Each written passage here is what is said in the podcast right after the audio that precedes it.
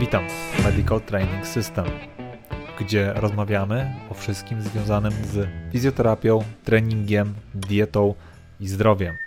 Zapraszam, Bartłomiej Grześ. Zanim przejdziemy do podcastu, chciałbym tylko poinformować, że oboje z Krzyśkiem oferujemy usługę planów treningowych, współpracy online, więc jeśli potrzebujesz wsparcia trenerskiego, możesz skontaktować się z nami poprzez media społecznościowe lub wchodząc na link w opisie i uzupełniając formularz do planów treningowych na stronie. Dziękuję i zapraszam do odsłuchania podcastu. Witam wszystkich. E, Bartłomiej Grześ z tej strony. Jeszcze raz w drugim odcinku podcastu Medical Training System. Jak zwykle dołącza do mnie e, Krzysztof Fossa. Witam serdecznie. E, w tym odcinku generalnie będziemy omawiać takie podstawowe zasady tego, jak w ogóle plan treningowy może wyglądać, jakie są zasady, którymi musimy się kierować i jakby bardziej odgórnie popatrzymy na to, nie jakby bardzo tak szczegółowo na razie. Będziemy pewnie w innych odcinkach omawiać trochę bardziej szczegółowo, jak ten plan w, e, w toku jakby mm, e, roku, miesiąca i tak dalej, jak to w ogóle może wyglądać. Ale dzisiaj jakby będzie taki pierwszy part. E, zobaczymy w ogóle na ile nam to wyjdzie bo tego w sumie na razie jeszcze nie wiemy. E, więc e, zaczniemy po prostu od takich ogólnych zasad e, treningu najpierw, no i potem będziemy schodzić coraz, coraz głębiej, coraz większe szczegóły, powiedzmy sobie, do tego, jak ten plan treningowy, zarówno czy to jest przygotowania motorycznego, czy, czy medyczny, czy jakby fizjoterapii, jakby jak to w ogóle wygląda, troszkę może podamy mm, przykłady w ogóle tego. I co? Zaczynamy, Krzyśku, w takim razie. Tak jest.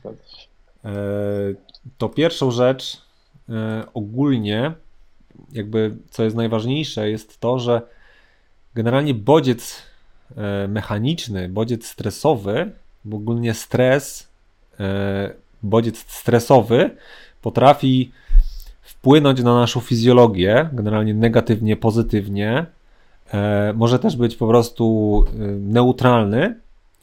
I my, wykorzystując trening, wykorzystujemy bodziec stresowy, jaki jest mechaniczny. Więc obciążamy daną tkankę, e, dany jakby układ, czy to jest układ nerwowy, czy to jest układ mechaniczny, czyli szkielet, więzadła, ścięgna i mięśnie i tak dalej. My je obciążamy i wtórnie jakby e, nasz organizm jakby odbiera ten bodziec i się zastanawia, co z nim w ogóle zrobić, tak? Czy coś trzeba zmienić, czy coś trzeba przebudować. Tam jest też dużo różnych innych mechanizmów, które mogą na to wpływać. Ale to właśnie wykorzystujemy w treningu. E, I jakby większość osób wie o tym, że można budować masę mięśniową, tak? Ale czasami nie, Y, nie zastanawiają się, że w ogóle można wzmocnić staw, nie? że można wzmocnić ścięgno, że można wzmocnić więzadło, e, że można generalnie usprawnić układ nerwowy, układ krwionośny e, i że to wszystko może po prostu lepiej działać, jeśli będzie wystarczający bodziec. Co byś dodał do tego, Krzyśku? Tak. Tak uogólnił tylko, że właśnie, czyli trening to jest y, odpowiednie bodźcowanie naszego organizmu, tak? Czyli wprowadzanie odpowiednich obciążeń e, w odpowiedniej ilości, e, żeby nasz organizm e, zareagował jakąś tam zmianą, którą my chcemy wprowadzić, tak? Czyli możemy sobie mm, zwiększyć właśnie, tak jak wspomniałeś, objętość mięśniową poprzez odpowiednią objętość mięśniową, objętość naszego mięśnia, czyli masę mięśniową, poprzez odpowiednie bodźcowanie możemy E, wzmocnić e, więzadła po różnych e, uszkodzeniach, po naciągnięciach, naderwaniach czy nasze ścięgna. I to wszystko zależy tak naprawdę od ilości tego bodźca, jaki prowadzimy podczas jednostki treningowej. Nie tylko podczas jednej jednostki, ale także podczas całego cyklu jakby tych jednostek. Okej. Okay. Mm. mm, teraz tak. Pierwsza taka główna w ogóle zasada tego i jakim powinien być trening, jaka powinna być fizjoterapia, to jest, że powinien być progresywny, że powinna następować jakaś progresja tego, jak to w ogóle, e, jaki ten bodziec używamy, ponieważ jeśli bodziec generalnie jest zbyt lekki, za mały, to organizm po prostu funkcjonuje na takiej zasadzie, że okej, okay, już to robiliśmy, znam to, jest to lightowe, nie, nie jest to problem żaden. I to nie będzie w żaden sposób mm, pozytywnie wpływało na nasz organizm, bo po prostu on uznaje, że okej, okay, jakby nic nowego, nie? Więc musi być y, jakiś element, y, który będzie jakby motywował organizm do tego, żeby w ogóle coś zmienić, tak? Więc jeśli ten trening nie jest progresywny, czyli coś nie jest dla nas trudne po prostu, to nic się za bardzo nie stanie. W drugą stronę, jeśli za daleko polecimy, no to na przykład może dojść do urazu. Jeśli za duże jest obciążenie na przykład mechaniczne na y, więzadło krzyżowe mm, w kolanie, no to na przykład może dojść do zerwania czy tam naderwania i tak samo z każdym innym mm, ścięgnem, więzadłem i Słychać jak ten? Słychać, słychać. To nam sąsiedzi troszkę borują dziury. No, ale. Skrócisz najwyżej tyle. Drobna, drobna pauza. Jest, leci. No, więc yy, jakby ta progresja jest tutaj tym najważniejszym elementem, bo bez niej ten trening w ogóle jakby nie ma sensu. Często, często gdzieś tam na przykład widzę na siłowniach, że ludzie na przykład używają jakichś takich małych ciężarków, machają tam gdzieś tam tymi ciężarkami, ale widać, że to jest dla nich łatwe, że oni zostawiają bardzo dużo jakby możliwości do wykonania gdzieś tam więcej powtórzeń, czy z większym obciążeniem. I taki trening nie jest progresywny, bo to jest dla nich po prostu łatwe. Więc to taki bodziec nie będzie w żaden sposób yy, miał jakiegokolwiek, jakiejkolwiek racji bytu, żeby coś tam w ogóle zmienić. Tak, jeżeli chodzi właśnie o, o zmiany, jeżeli mówimy w kontekście przebudowy yy, naszej tkanki, prawda? Jeżeli chcemy przebudować yy, ścięgno, więzadło czy, czy wzmocnić mięsień, yy, on będzie miał rację bytu oczywiście taki trening, tylko mm, nie będzie nam mm, poprawiał naszej kondycji, nie będzie poprawiał y, kondycji naszych więzadeł, ale zadziała jakby na układ krążenia, troszkę przyspieszy prawda, wymianę tych wszystkich metabolitów, jakby, więc będziemy się czuli lepiej.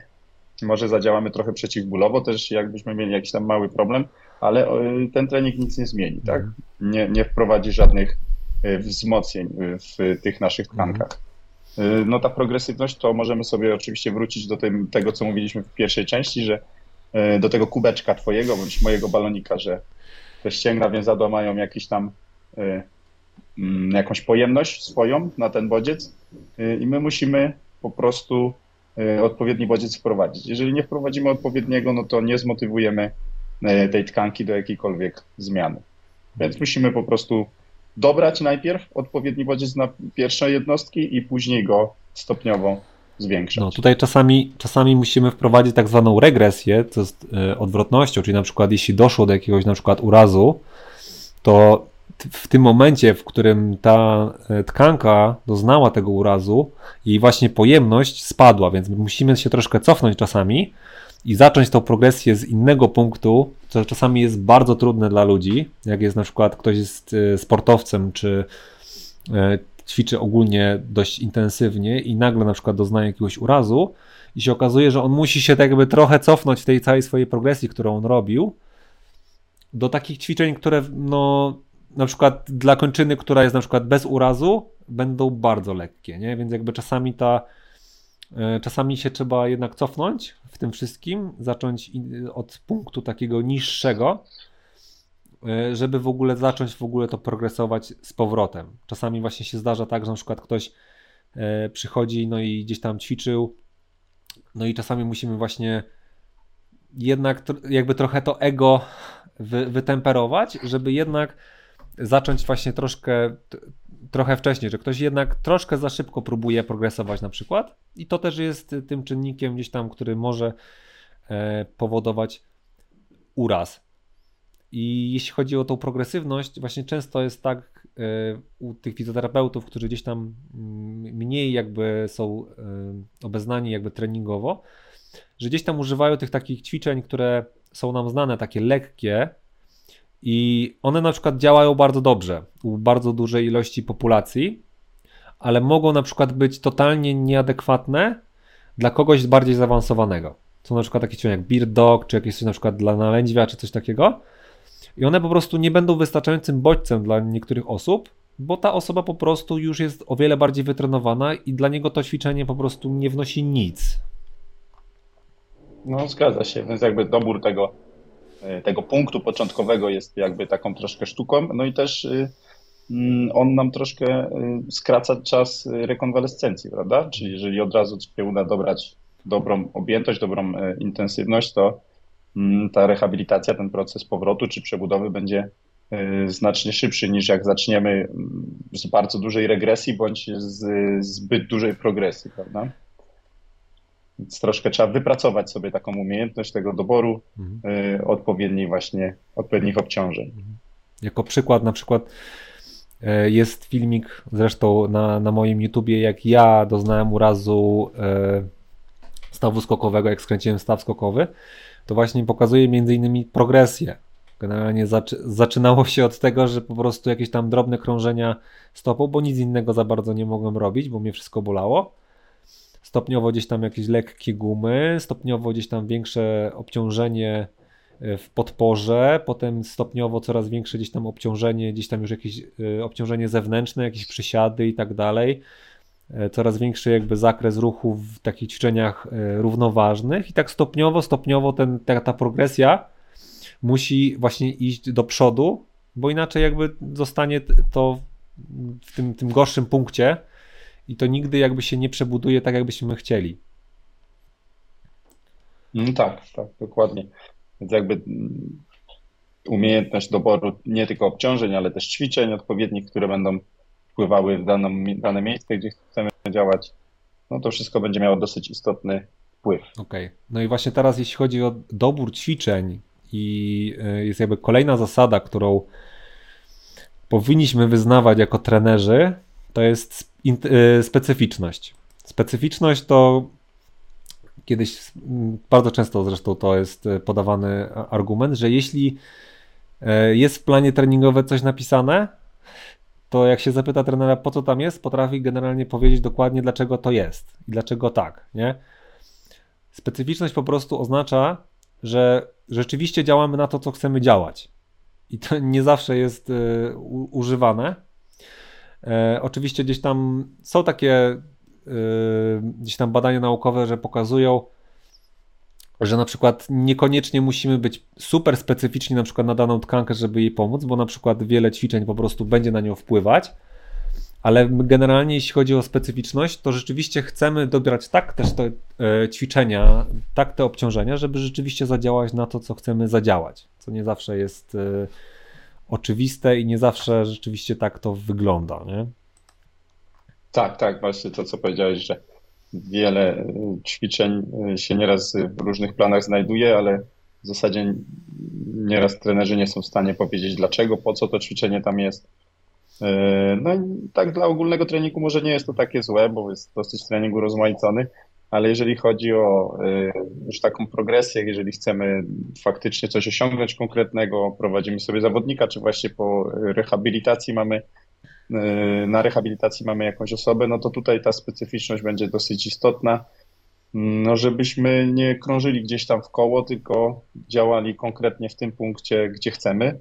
Chociaż też słusznie zauważyłeś, że to nie ma aż tak dużego znaczenia, które konkretnie ćwiczenie dobierzemy, bo one, no ciężko jest wyizolować bardzo tkankę, prawda? Nie jest tak, że mhm.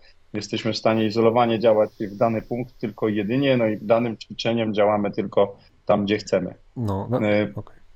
Poza tym też te tkanki y, nigdy nie działają jakby w y, jednym kierunku, prawda? One są raczej y, właśnie potrzeby, potrzebujemy pracować nad daną tkanką w różnych kierunkach, żeby ona się w różnych kierunkach też wzmacniała.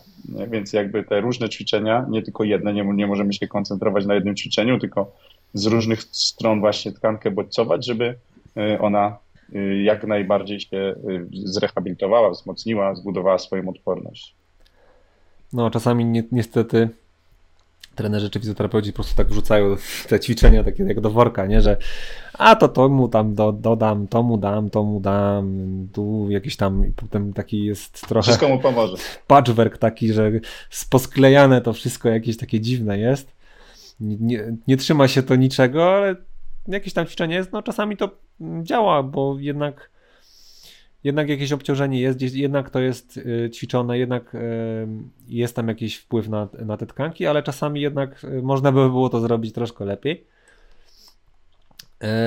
I znaczy, to na tym polega po prostu specyficzność. My generalnie jakby w konkretnych przykładach już będziemy podawać, co będzie specyficzne dla danej, danego tam urazu, czy dla danej tkanki i tak dalej ale generalnie właśnie staramy się, żeby ten, jednak te, te obciążenia, te, te ćwiczenia działały na to, co my chcemy działać. Więc to jest taki jedna z istotniejszych y, zasad. I teraz y, omówimy y, intensywność i objętość. To są takie dwie rzeczy, które powiedzmy sobie działają troszkę odwrotnie od siebie, ponieważ intensywność i tu nie chodzi, intensywność nie oznacza jakby... Odwrotnie proporcjonalne. Tak, odwrotnie proporcjonalne. Jak generalnie intensywność wzrasta, to zazwyczaj objętość musi troszkę zejść w dół. E, I intensywność nie oznacza tego, jak coś jest trudne, bo tak czasami osoby, jak słyszą intensywność gdzieś tam, to tak, tak jest, to jest, to może być trudne, e, ale intensywność oznacza po prostu procent tego, jak my, jaki nasz jest maks, czyli co il my możemy wycisnąć jakby z siebie maksymalnie i z tego wyciągamy pewien procent. Najczęściej jest to wykorzystywane na zasadzie tak zwanego one rep max, czyli jeśli jesteśmy w stanie podnieść na przykład e, w przysiadzie ileś tam kilo, na przykład nie wiem 150 100. czy tam 100 na przykład, to na raz to naszą intensywnością 100% jest to 100 kilo, tak? I od tego na przykład czasami będziemy po prostu sobie obliczać na zasadzie, ile kto jest w stanie wykorzystać.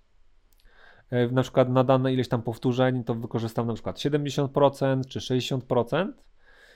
Często wykorzystujemy mm, takie powiedzmy sobie yy, zamienniki, że nie, nie obliczamy tego 100%, nie testujemy kogoś na one rep max, szczególnie jeśli jest na przykład po urazie, tylko używamy pewnych skal, na przykład tak zwanej RPI, żeby ocenić mniej więcej jaki to jest procent, żebyśmy byli w odpowiednim zakresie tej intensywności, żeby osiągnąć odpowiednie rzeczy, które byśmy chcieli osiągnąć, tak? Tak, zgadza się, czyli y, intensywność, tak jak powiedziałeś, można podać w różnych skalach, czyli właśnie y, RPE czy y, RIR y, i to ma nam określić właśnie no, cięż, no, mimo wszystko ciężkość, jak, to, jak nam będzie ciężko pewne rzeczy wykonać, e, żeby doprowadzić do pewnych zmian. I co, co jest oczywiste, e, jeżeli twoim maksem jest 100 kg, no to nie jesteś w stanie zrobić tego, podnieść tego ciężaru 10 razy, czyli zwiększać sobie tą objętość, no bo, no bo to jest twój maks, który jesteś w stanie podnieść raz. Co jest dodatkowo ważne, że jakby patrzymy sobie pod względem tego maksa y, jeszcze na technikę, czyli jakby y, wyliczamy tą intensywność do, do mm, patrząc, czy dane ćwiczenie wykonujemy poprawnie. Bo jeżeli będziemy wykonywali poprawnie technicznie, no to to będzie faktycznie 100% naszych takich możliwości w danym rejonie naszego ciała, prawda? Czyli właśnie przypuśćmy przy przysiadzie, w momencie kiedy wykonasz poprawny przysiad, ładny technicznie, to wiemy, że to jest 100% Twoich możliwości. W momencie, kiedy ten przysiad będzie jakiś taki łamany, nie będziesz w stanie utrzymać kolan, gdzieś plecy ci powygina i tak dalej, no to wiemy, że no raczej nie powinniśmy dobierać y, obciążenia odnośnie co do tego powtórzenia, które tam wykonaliśmy, nie? Czyli tutaj tą technikę jeszcze by trzeba sobie wziąć pod uwagę. Czasami tam wykorzystywane jest taki, takie określenie jak to technical failure, czyli właśnie w momencie, w którym zaczyna e, e, nasz właśnie ta technika dawać, że się tak wyrażę. Już, już zaczynamy właśnie, te, ta, ta technika wygląda po prostu inaczej niż jakby normalnie wykonujemy. To znaczy, że generalnie jesteśmy na tym takim troszkę limicie tego. Yy, może, może tam już być jakby większe obciążenie na daną tkankę. Jak już na przykład ktoś nie jest w stanie zrobić dobrze technicznie martwego ciągu, tak jak normalnie robi, na przykład z mniejszym obciążeniem, to jakby zwiększa się troszkę obciążenie już na, na przykład na lędźwia, nie? Więc możemy wtedy na przykład obniżyć tą intensywność, żeby aż tak nie obciążać tych lędźwi, nie? Jakby jak patrzymy na e, zawodników, na przykład czy tam trójboju, czy dwuboju, yy, i którzy robią max, rekordy świata, ta technika nigdy nie będzie idealna, bo to już po prostu oni, tak, bo oni po prostu już wchodzą na, na maksymalne po prostu obciążenia, gdzie no po prostu no nie wszystko już, że tak powiem, da radę. Na przykład jak ktoś trenuje przysiady, na treningu wygląda ten przysiad super, no ale na zawodach na przykład on wygląda, e, wiesz, kolana do, do środka schodzą się i tak dalej, i tak dalej, i tak dalej. Bo po prostu już wchodzi na ten taki maksymalne obciążenie, gdzie po prostu już próbuje znaleźć wszystko, jeszcze, jeszcze troszkę siły gdzieś tam indziej, nie? Tak, tak, ale to właśnie nie, nie odnosimy tego w kontekście y, rehabilitacji, przebudowy tkanki i tak dalej, tylko już tego max performance, czyli no tutaj już chodzi o to, żeby po prostu dać siebie 100% i to jest tak, jak mówiłeś na ostatnim nagraniu, y, że mamy pewne strefy, prawda? Te, też tego bodźcowania. W momencie, kiedy y, nie ma tej aktywności, to jest negatywnie. W momencie, kiedy mamy odpowiednią ilość tej y, aktywności, to jest tak jakby najbardziej prawidłowo dla naszego organizmu, dla naszego zdrowia. Jesteśmy, wiesz, wzmacniamy się, nie, nie przeciążamy, ale ci zawodowcy już niestety znajdują się w tej strefie takiej Y, ponad tą taką y, naturalną aktywność, jakby na za skraju, dużo tej aktywności, no. za duże obciążenia na skraju, tak. I oni no, no roz... często dochodzi też do kontuzji, prawda, na, te, przy takich maksach. Poza tym oni jakby rząd, to, te zawody się rządzą swoimi prawami troszkę, prawda, czy ten trening też dwuboju, trójboju, tam gdzie są te skrajne obciążenia, no to ci zawodnicy, no to jest ich jakby y, całe życie i przygotowują się do tego cały czas Mm, więc ten organizm ich też troszkę inaczej to odbiera. Mm, więc no, nie, nie bierzemy z nich przykładu. Znaczy, no, to jest jednak, jeśli chodzi o fizjoterapię i jakby ten trening przygotowania motorycznego u zawodników, to czasami jest to też takie po prostu zmniejszenie ryzyka, bo to ryzyko zawsze gdzieś tam jest, nie, tych urazów. Ale no to jest takie, no właśnie balansowanie na tej takiej krawędzi po prostu, że chcemy uzyskać jednak maksymalny ten efekt treningowy, zminimalizować ryzyko urazów. W przypadku osób, które są czy amatorami, czy po prostu po urazach i tak dalej, tak dalej, tak dalej, no to będziemy raczej troszkę w tych niższych pułapach, tych niższych intensywnościach, żeby cały czas nie narażać się na aż takie e, przeciążenia gdzieś tam. I tutaj jakby, tak jak mówiliśmy wcześniej, jeśli chodzi o intensywność i objętość, to objętość jest tym właśnie drugim E, drugim biegunem tego wszystkiego, czyli objętość po prostu oznacza to, ile czegoś wykonaliśmy jak dużo tego było. I teraz, tak jak wcześniej mówiłeś, że jest to trudne, to ten, te, ta intensywność duża, no ale czasami na przykład y, jak będzie mniejsza intensywność, ale zrobisz więcej powtórzeń, to to może się wydawać komuś trudniejsze. Dlatego jakby powiedziałem, że intensywność nie, znacza, nie zawsze oznacza, że coś jest yy, E, aż tak trudne, bo na przykład dla mnie o wiele łatwiej jest zrobić trójki, na przykład tam e, powyżej tam 80 powiedzmy procent intensywności właśnie, aniżeli zrobić na przykład dziesiątki, bo po prostu to jest bardziej męczące, zrobiliśmy więcej, była większa objętość. Czyli tutaj liczymy czy serię, czy, czy łączną ilość serii danego, danej grupy mięśniowej, czy danego ćwiczenia w skali czy to jednostki treningowej, czy tygodnia. I no. Tak, tak, zgadza się, że, że to nie chodzi, jakby bardziej bym, można odnieść się do całego treningu, jak ciężki był cały trening, jak ciężka była cała seria, albo jak ciężkie jest pojedyncze powtórzenie. Tak. Czyli jakby ta intensywność to bardziej byśmy odnieśli, że ma być ciężko, im bardziej intensywnie, tym dane powtórzenie jedno będzie cięższe w mhm. stosunku co do mniej, mniejszej intensywności. Aczkolwiek cała seria, to masz rację, też nie lubię robić y, dużych y, objętości, też wolę robić trójki, piątki. E, dużo mniej męczące to jest dla mnie. Tak.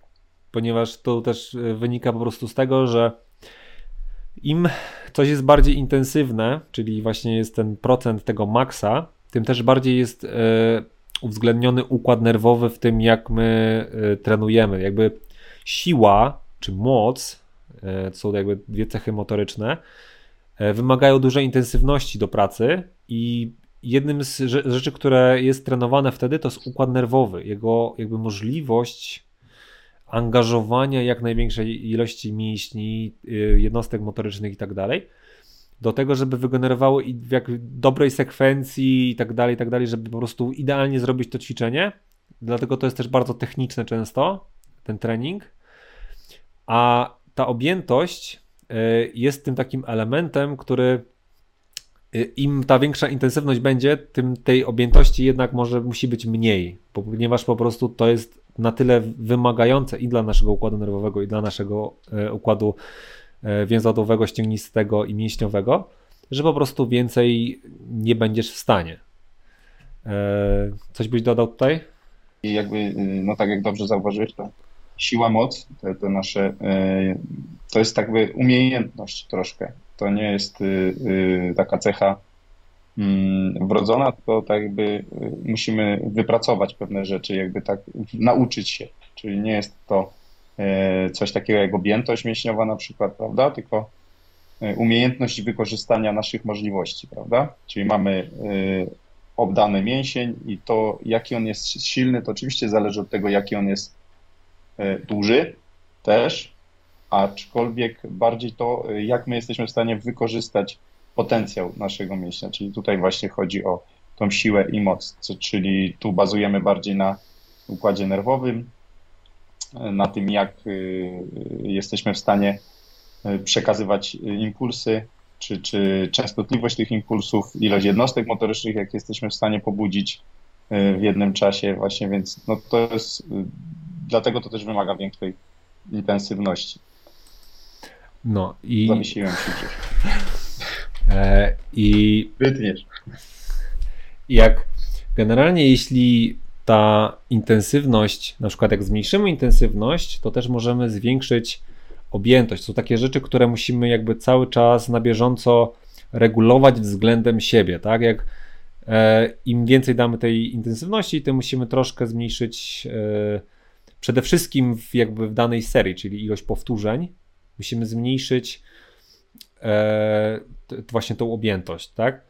Teraz objętość jakby w kontekście ilości serii E, jakby jeśli chodzi na przykład o budowę masy mięśniowej, objętość jest tym głównym czynnikiem w ogóle, żeby kształtować na przykład masę mięśniową, ale też jakby jest tym elementem, wbrew pozorom właśnie bardziej czasami niż e, intensywność, jest tym elementem, który potrafi właśnie doprowadzić do jakichś tam przeciążeń. Na przykład e, objętość biegowa. Na przykład jeśli ktoś biega na przykład 5 km i on stwierdza nagle, że on będzie dodawał, dodawał, dodawał, będzie próbował częściej, więcej i tak dalej, to czasami po prostu ta objętość jest tym czynnikiem, który powoduje uraz, czy na przykład gdzieś tam się występują jakieś e, tendinopaty, czyli właśnie gdzieś tam problemy ze ścięgnami, ponieważ ktoś po prostu stwierdził, że nagle będzie dodawał tej objętości w nieskończoność, myśląc, że jakby organizm się do tego adaptuje.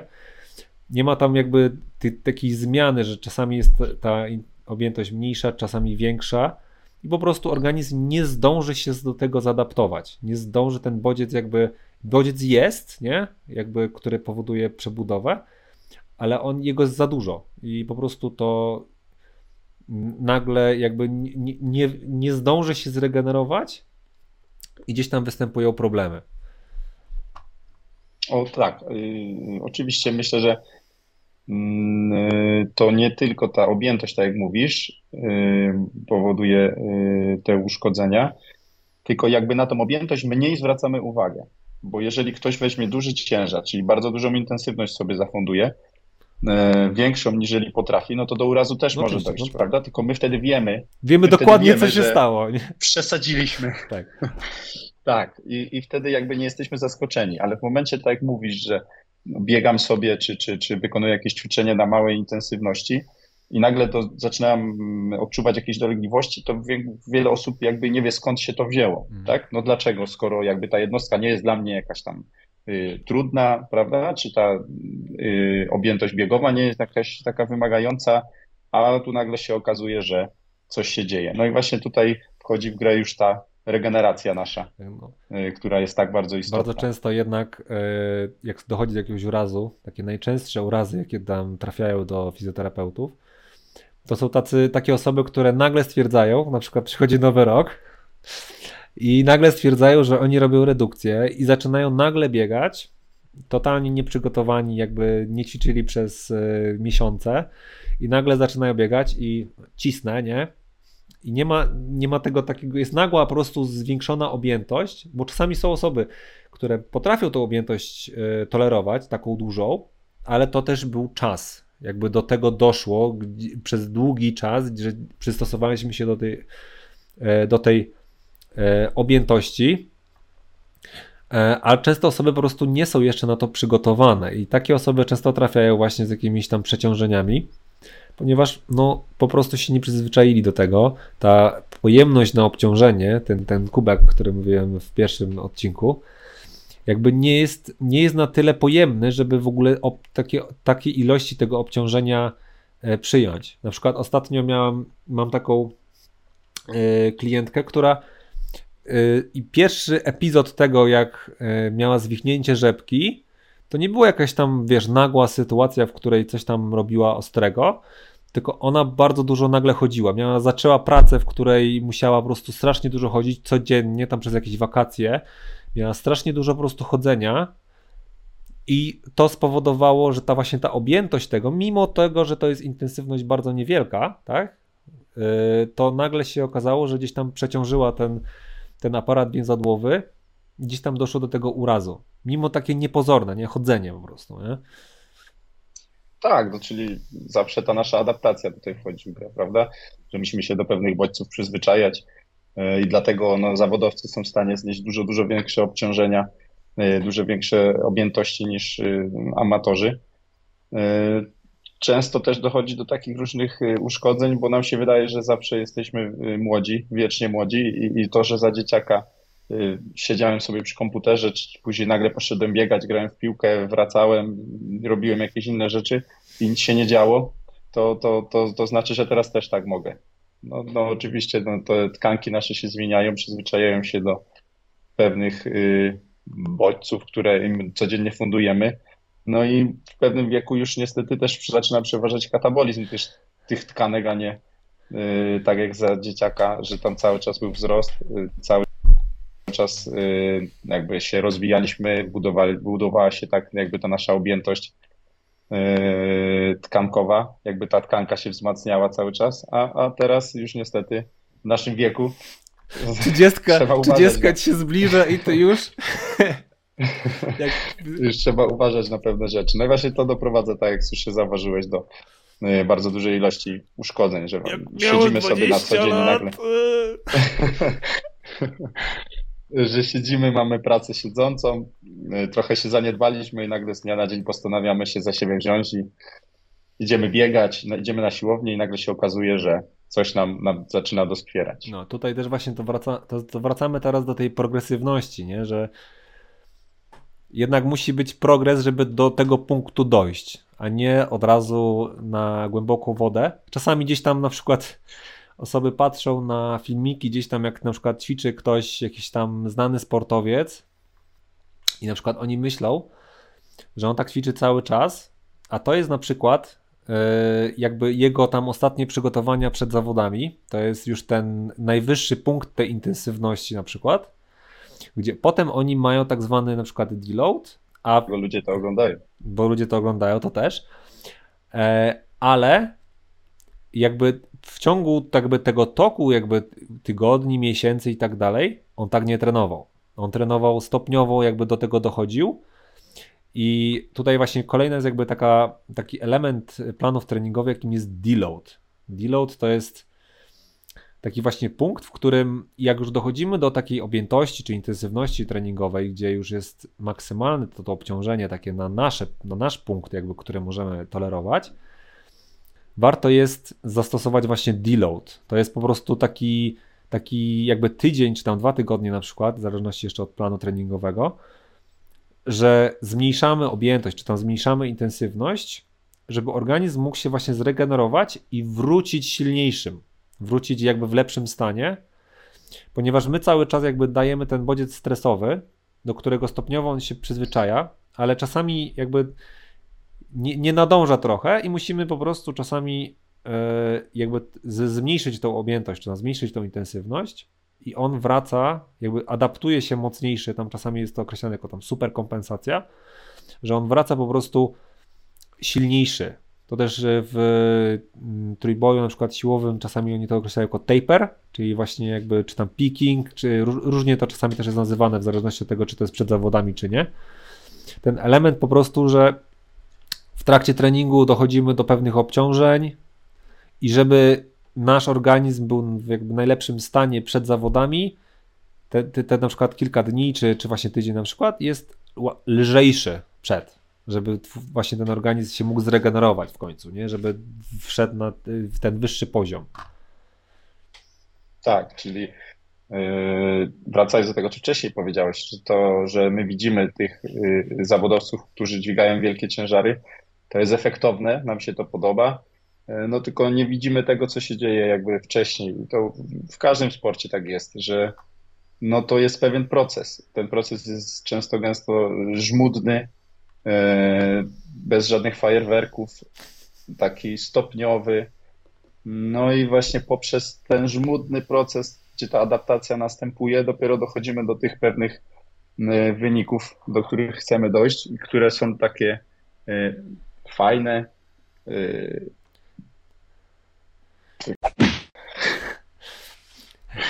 Efektowne, takie efektowne, gdzie. Słuchaj, ja, ja na kanale mam ustawione, że nie jest dostosowane dla dzieci, więc czasami możecie się powiedzieć coś. I właśnie tutaj wchodzi w grę, właśnie też tak jak mówisz, ten odpowiednia, do, odpowiednie prowadzenie tego zawodnika, czyli Mm, to stopniowe obciążanie, później ten deload, gdzie jakby ten organizm nam się regeneruje i po to jest ten deload właśnie, żeby nastąpiła ta regeneracja i nadbudowa tej tkanki, e, dzięki czemu właśnie e, stajemy się mocniejsi, silniejsi, czyli jakby ten proces mm, nie jest taki, że my cały czas ćwiczymy i ta tkanka cały czas z treningu na trening się wzmacnia, e, bo możemy to zauważyć, że w pewnym momencie jakby poczujemy, że potrzebujemy tego odpoczynku. Że mhm. tydzień temu byłem w stanie podnieść ciężar X, mhm. a na przykład w tym tygodniu, kurczę, no, no przecież tydzień temu to robiłem. Nie było to jakieś trudne, a teraz nagle się okazuje, że nie jestem w stanie tego y, zrobić. No dlatego, że po prostu ta pojemność tego kubka, nawet nie jednostki jednej treningowej, tylko całego miesiąca, przypuśćmy, już się przepełniła i, i jakby teraz potrzebujemy chwilkę odpoczynku, żeby E, te nasze tkanki znowu mogły przyjmować nowe bodźce. No, dlatego też stosuje się coś takiego, e, czym jest periodyzacja. Jakby teraz jest strasznie dużo modeli w ogóle tej periodyzacji, ale to polega po prostu, jakby kwintesencja tego wszystkiego jest taka, że ten plan treningowy musi się zmieniać w toku, czy to jest tygodnia, miesiąca, E, czy tam bloku treningowego, który może na przykład trwać, nie wiem, 4 tygodnie, 8 tygodni na przykład. I to obciążenie się zmienia. Ono się zmienia, y, czy na przykład czasami jest tak, że na przykład wykorzystujemy, że jedna, z, y, jedna na przykład ćwiczenia są lżejsze, jedne są trudniejsze, czasami pracujemy nad czymś innym, jakby nad inną cechą motoryczną na przykład, żeby właśnie nie dopuszczać do tego, że ten organizm jest przeciążony na przykład cały czas próbując właśnie zwiększać intensywność. Ja to raz y, powiedziałem ostatnio na, jak próbowaliśmy nagrać jeden odcinek, tylko on akurat nie, nie wypalił, że jest taki, taki cytat właśnie słyszałem, że 80% y, urazów u biegaczy to jest y, trenowanie z 80% intensywnością 80% czasu. Jakby to po prostu nie ma prawa działać, po prostu będziemy cały czas się przeciążać Musi być tak, że na przykład czasami, szczególnie to jest u osób, które są gdzieś tam średnio zaawansowane, bo czasami u osób, gdzie tam są początkujące, to, to jeszcze może zadziałać do jakiegoś czasu, ale e, u gdzieś tam troszkę już bardziej zaawansowanych osób jeśli będziemy tak robić, to bardzo szybko dojdzie do jakiegoś przeciążenia. Więc czasami na przykład musi być tak, że na przykład jedna jednostka jest bardziej intensywna, z mniejszą objętością, na przykład, czy właśnie jak mówimy o bieganiu, to będzie na przykład na szyb, krótszy dystans, szybciej na przykład, i potem mamy dłuższy dystans, wolniej. I tak jakby tutaj właśnie to jest periodyzacja, takie zaplatanie tych obciążeń, że gdzieś tam czasami jest większa intensywność, czasami jest mniejsza intensywność, czasami pracujemy nad czymś innym.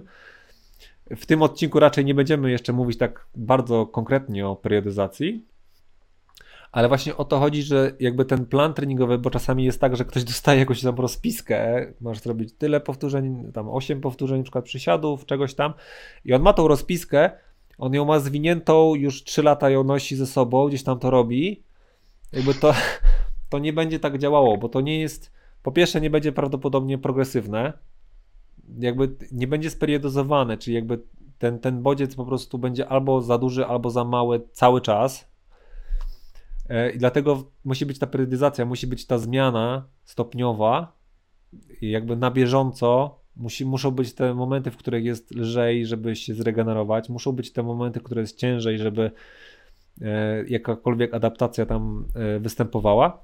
I tym właśnie jest ta periodyzacja. Coś byś tutaj na wstępie dodał, Krzyśku? To, że właśnie ludzie e, często tego nie rozumieją, że, że, że potrzebują y, tej regeneracji, że muszą czasami trochę odpocząć. Y, często podopieczni, przynajmniej u mnie się tak zdarza, że chcą coś więcej zrobić, że czemu tak mało w danym tygodniu, prawda? Że jakby im się wydaje, że muszą cały czas robić mhm. coraz więcej, coraz więcej, żeby to przynosiło efekty. No jakby, no niestety, no niestety w zasadzie. Potrzebujemy tej regeneracji, mhm. potrzebujemy tych przerw, żeby właśnie ta nasza E, nasze tkanki, żeby się odbudowywały, no bo one właśnie się odbudowywują wtedy, kiedy mają troszkę spokoju, tak? Nie wtedy, kiedy my je cały czas bodźcujemy, na nich pracujemy mocno, intensywnie, tylko kiedy im dajemy troszkę odsapnąć, kiedy zrobimy jakiś może active rest, właśnie luźniejszy trening, e, może jakieś cardio sobie dorzucimy, coś, żeby poprawić krążenie, żeby e, szybciej doszło do tej wymiany tych metabolitów, do przebudowy tej tkanki. Czasami też ludzie jakby sobie nie zdają z tego sprawy, ale objętość, którą, która jest potrzebna, żeby w ogóle doszło jakiekolwiek zmian takich pozytywnych, jest relatywnie niewielka. Jakby my to czasami określamy jako minimal effective dose, czyli jakby minimalna dawka, w której w ogóle dochodzi do jakiegoś pozytywnego działania, jest relatywnie niewielka. To tam jest powiedzmy tam kilka serii na, na tydzień, na przykład danego tam ćwiczenia. Danej, yy, I to już daje pozytywne efekty, nawet u gdzieś tam osób yy, troszkę bardziej zaawansowanych jeśli ta seria jest na tyle trudna i ten nie, nie ma takiej liniowej e, różnicy, że zrobiliśmy 5 serii, a zrobiliśmy 10, to jest dwa razy więcej. To zrobiliśmy dwa razy lepszy efekt. Tak niestety, tak niestety nie jest. Jest większy efekt, ale on nie jest jakby liniowo się nie zwiększa. Jak osoba robi tam 10 serii na przykład, a 20 serii, to też znowu nie jest jakby dwukrotnie większy efekt. On jest tam. Może się okazać nawet, że jest gorszy efekt. Jest właśnie do, może dojść Czasami. do momentu, w którym gdzieś tam jest ta objętość za duża dla kogoś, że jednak y, jest to za dużo i jakby tego efektu, ten efekt jest słabszy na przykład, albo w ogóle go nie ma na przykład. Więc czasami jest lepiej, dlatego często u pacjentów wykorzystujemy właśnie ten minimal effective dose, żeby po prostu też pacjenci często nie chcą w ogóle ćwiczyć, więc yy, na przykład lepiej mu dać 5 serii tygodniowo i on to zrobi, niżeli 20 serii, których nie zrobi, bo stwierdzi, nie zrobię 20 serii, to chrzanić to, nie będę tego robił, nie? Tak się czasami zdarza, a mógł zro- równie dobrze zrobić 5, nie? Tak i yy, właśnie to jest też czasami błędne, że chcemy za dużo rzeczy naraz narzucić na pacjenta, bo, bo nam się wydaje, że tak będzie lepiej, ale właśnie on tego, przede wszystkim on tego nie zrobi. Jeszcze w momencie, kiedy mamy pacjenta u siebie i możemy mu kazać coś zrobić, przypilnować go do tego, y, w trakcie tej pracy, to co innego, ale jeżeli dajemy komuś pracę domową, to no, raczej musimy się liczyć z tym, że ludzie tego nie robią. Yy, robią minimalną ilość, więc lepiej dać mniejszą objętość, dużo, dużo mniejszą, yy, ale być pewnym, że on właśnie coś zrobi, czyli dać tam minimalną dawkę, tak jak wspomniałeś, E, no bo wtedy przynajmniej wiemy, na czym stoimy, bo w momencie, kiedy damy mu dużo, on nam powie, że zrobił, tak naprawdę tego nie zrobi, no i nie wiemy, w którym punkcie jesteśmy, nie wiemy, co mamy dalej zrobić, czemu ten pacjent na przykład się nie poprawia, albo czemu się coś tam pogarsza. Nie wiemy na przykład też, w jakim punkcie właśnie. jest w progresji, nie? No bo jak... Z... No, no właśnie. E, Więc i tutaj... lepiej dać dwa ćwiczenia, jedno ćwiczenie, ale być pewnym, że on coś wykona, niż kombinować nie wiadomo jak bardzo i później się zastanawiać. No, czasami właśnie też jest taki problem, że z tą progresywnością, że e, na przykład pacjenci szukają jakiegoś idealnego ćwiczenia. A nawet czasami nie chodzi o to idealne ćwiczenie, tylko właśnie w którym etapie jest progresji. Czasami się tam pacjenci pytają, jakie jest najlepsze ćwiczenie na ból lędźwi. No, no nie wiem, no bo po prostu, tak. bo nie wiem na jakim ktoś jest etapie, nie wiem jakby jakim jest poziomie wytrenowania, na jakim etapie jest jego tkanka, co potrafi przyjąć, jakie obciążenie i jakie będzie adekwatne. Mogę podać jakieś tam ćwiczenie po prostu randomowe i może się okazać, że mu pomoże, tak? Ale może być za, za słabe, może być za ciężkie. Nawet jeśli mówimy o osobach, które y, mają na przykład te same, jakiś tam ten sam problem. Na przykład ktoś ma, nie wiem, problem z stożkiem rotatorów, tak? Na przykład ma uszkodzony bark. I u, jednego, u jednej osoby będę używał innego ćwiczenia z innym obciążeniem, ponieważ dla niego to będzie adekwatne obciążenie w tym momencie, a nie będę myślał o stricte jakby jakimś tam konkretnym ćwiczeniu, tak? My sobie dzielimy te ćwiczenia na powiedzmy sobie tam lepsze, gorsze na dany tam problem, bo bardziej obciąża czy mniej obciąża, ale czasami to jest mało istotne. W sensie takim, że ważniejsza jest właśnie ta intensywność, ta, ta objętość, ta progresywność tego wszystkiego, aniżeli to, jakie ćwiczenie wykorzystamy. Bo czy my wykorzystamy przysiad goblet z ketlem, czy my wykorzystamy przysiad ze sztangą, e, czy wykorzystamy, nie wiem, jakiś inny rodzaj przysiadu, na przykład bułgarskie przysiady dzielone, czy coś w tym stylu, to ma mniejsze znaczenie niż się ludziom generalnie wydaje. Tak, to jest dosyć istotne, bo wiadomo, że każdy, każde z tych ćwiczeń będzie obciążało pewne tkanki mniej lub bardziej, ale myślę, że to już jest taki bardziej może y, bardziej istotne przy zawodowcach, kiedy mamy jakieś konkretniejsze takie problemy y, na dane ścięgno, chcemy za, zapracować na dane więzadło, bądź przyzwyczaić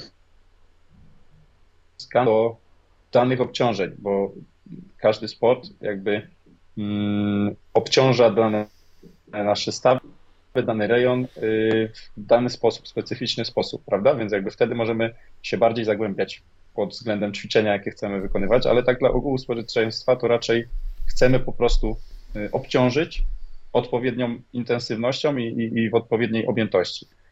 Czyli nie będzie to miało znaczenia właśnie tak jak mówisz, czy to zrobimy sobie y, taki przysiad, czy taki przysiad, tylko sam fakt obciążenia będzie dosyć istotny. Tak, no generalnie ten, ten jakby dobór ćwiczeń yy, i jakby technika też ćwiczeń, im generalnie będziemy bardziej zaawansowani, tym będzie miało większe znaczenie, ale u osób jakby gdzieś tam początkujących, czy osób takich powiedzmy sobie zwykłych ludzi, yy, cywili, którzy nie uprawiają sportu zawodowego, jakby ta, ta biomechanika, ten, e, ta technika nie będzie miała aż takiego znaczenia, ponieważ oni nie, nie są na tych takich maksymalnych już obciążeniach, gdzie jakieś tam drobne zmiany techniki mogą już e, gdzieś tam pomóc lub e, utrudnić gdzieś tam wynik sportowy.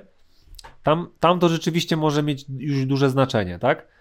Ale u osób gdzieś tam, powiedzmy sobie, zwykłych, zwykłych ludzi, czy my wykorzystamy jakiś tam jeden rodzaj przysiadu, czy drugi rodzaj przysiadu, czy jakiś tam jeden rodzaj martwego ciągu, czy drugi, nie będzie miało aż takiego znaczenia, bo po prostu nie wchodzimy w ten taki już jeszcze zakres jakby maksymalnego genetycznego pułapu tego obciążenia, że to nie będzie miało aż takiego po prostu znaczenia. Dokładnie, czyli najbardziej chodzi o sam ruch.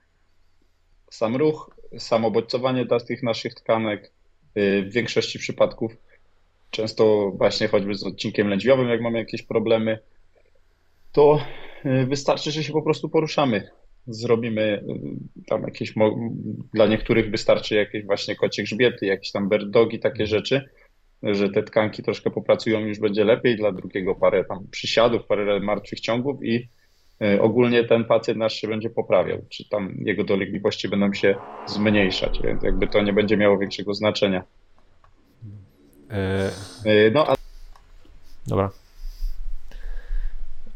Y, więc generalnie chodzi o to, żeby y, wykonać y, jakąkolwiek pracę na tych naszych mięśniach, ścięgnach. I żeby się tak nie zagłębiać w konkretne ćwiczenia, to jakby mamy pewne grupy ćwiczeń i jak sobie to dzielimy w danej jednostce treningowej, żeby zaangażować jakby dany rejon naszego ciała. I dla przykładu mamy takie ćwiczenie jak właśnie grupę ćwiczeń y, ciągnących, pchających, y, czy to właśnie wertykalnie, czy y, horyzontalnie, czyli w płaszczyźnie pionowej, poziomej. I bardziej chodzi o to, żeby popracować w danych kierunkach, w danych płaszczyznach, te tkanki obciążać, aniżeli jakby skupiać się stricte na danym jednym ćwiczeniu, które wykonamy i które będzie jakby idealne na dane schorzenie.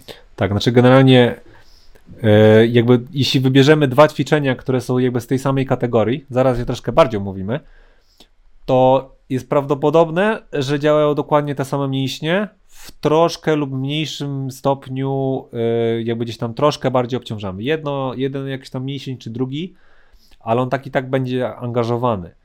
I właśnie takie główne e, kategorie w ogóle ruchowe, jakie mamy, to jest właśnie wypychanie, czy to właśnie w płaszczyźnie pionowej, czy, czy poziomej.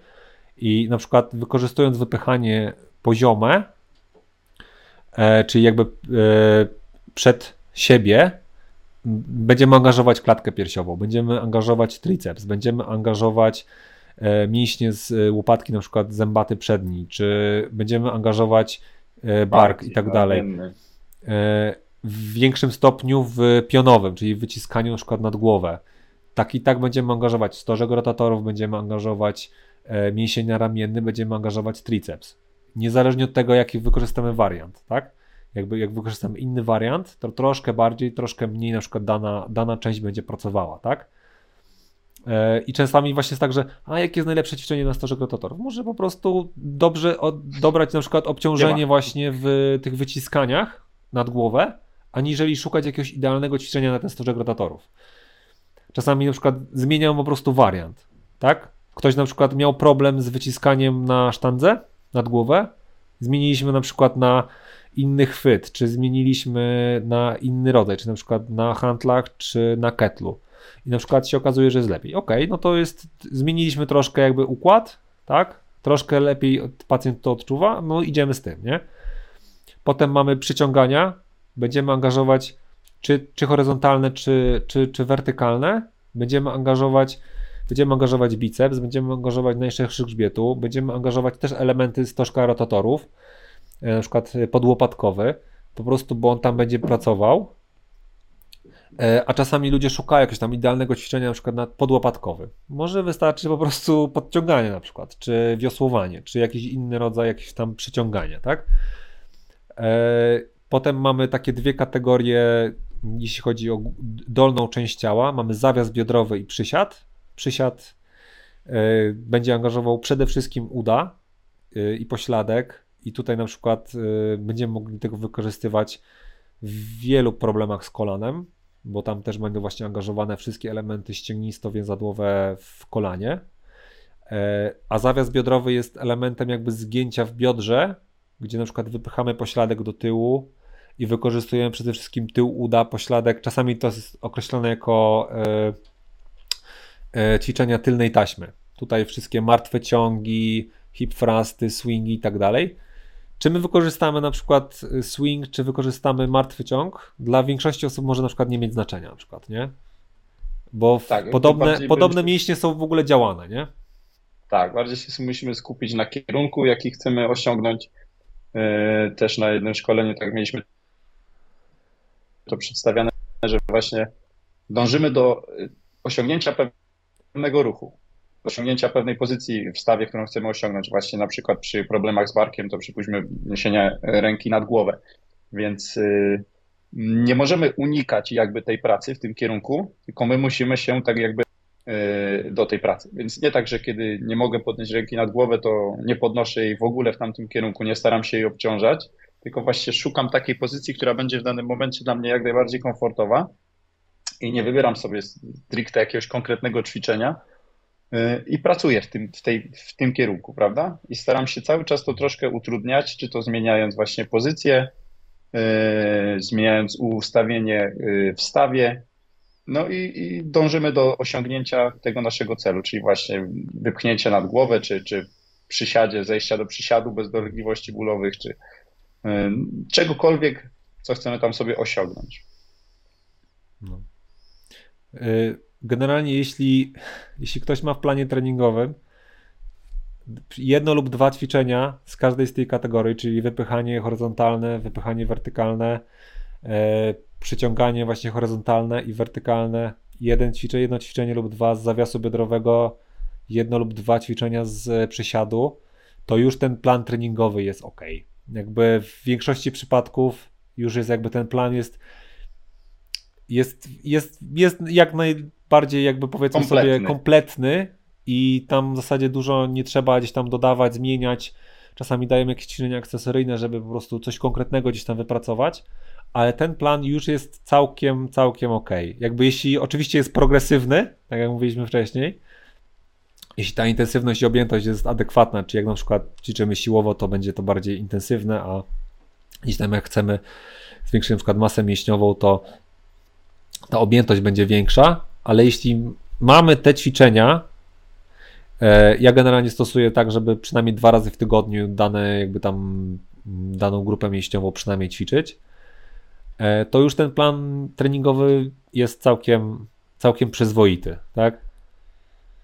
Tak, no, no właśnie nie chodzi o to, żeby na jednym treningu zrobić te wszystkie ćwiczenia, tylko y, w danym naszym y, tygodniu, przypuśćmy, w momencie, kiedy jakby nasz cykl tak zatacza sobie koło, czyli y, przypuśćmy, z reguły jest to tydzień i w danym tygodniu chcemy, żeby każde z tych ćwiczeń gdzieś tam zostało wdrożone. Wiadomo, że to nie jest tak, że każdy będzie miał identyczne, te, te, że tu dwa takie ćwiczenia, dwa takie, no bo każdy ma jakiś inny priorytet i, i, i nawet taki amator chce na przykład, jeden chce wzmocnić sobie klatkę piersiową, to wiadomo, że damy troszkę więcej ćwiczeń, troszkę większą objętość tutaj w kierunku tego wypychania y, horyzontalnego. Ktoś chce poprawić sobie martwy ciąg, no to znowu więcej tam damy ćwiczeń zawiasu biodrowego. No ale chodzi o to, żeby zaangażować w całym cyklu całe nasze ciało, jeżeli mówimy tutaj o takim zdrowotnym podejściu do tematu. Tak, żeby była taka równowaga, balans mięśniowy, żeby w każdym kierunku nasze stawy popracowały, będą y, bardziej odżywione, y, co za tym idzie, będą zdrowsze. No. To myślę, że w tym odcinku jakby tyle. Jakby powiedzieliśmy o takich powiedzmy sobie głównych zasadach i głównych ćwiczeniach, y, jakie powinny się w ogóle znaleźć. W następnym odcinku będziemy troszkę bardziej właśnie omawiać ten właśnie tą, tą zależność tej intensywności i objętości, trochę jak to tym właśnie tej periodyzacji całej e, to występuje. E, jak na przykład mówimy liniową periodyzację, e, blokową i, i, różne, i różne inne jakby możliwości, jakimi możemy tam manipulować. Jak to może właśnie wyglądać w takim cyklu tydzień, miesiąc, czy tam blok treningowy w, w ciągu gdzieś tam roku, tak? Żeby, żeby ten plan miał ręce i nogi, żeby to nie było właśnie tak, że jak z tym bieganiem 80%, że cały czas i gdzieś tam przeciążenie dochodzi, tylko żeby to właśnie wszystko miało e, ręce i nogi. Więc mam nadzieję, że ten odcinek się podobał i w trzecim odcinku już będzie bardzo, bardzo konkretnie już. Troszkę może nawet liczbami będziemy tutaj e, rzucać. E, I zapraszam. Tak, zapraszamy serdecznie. Do zobaczenia.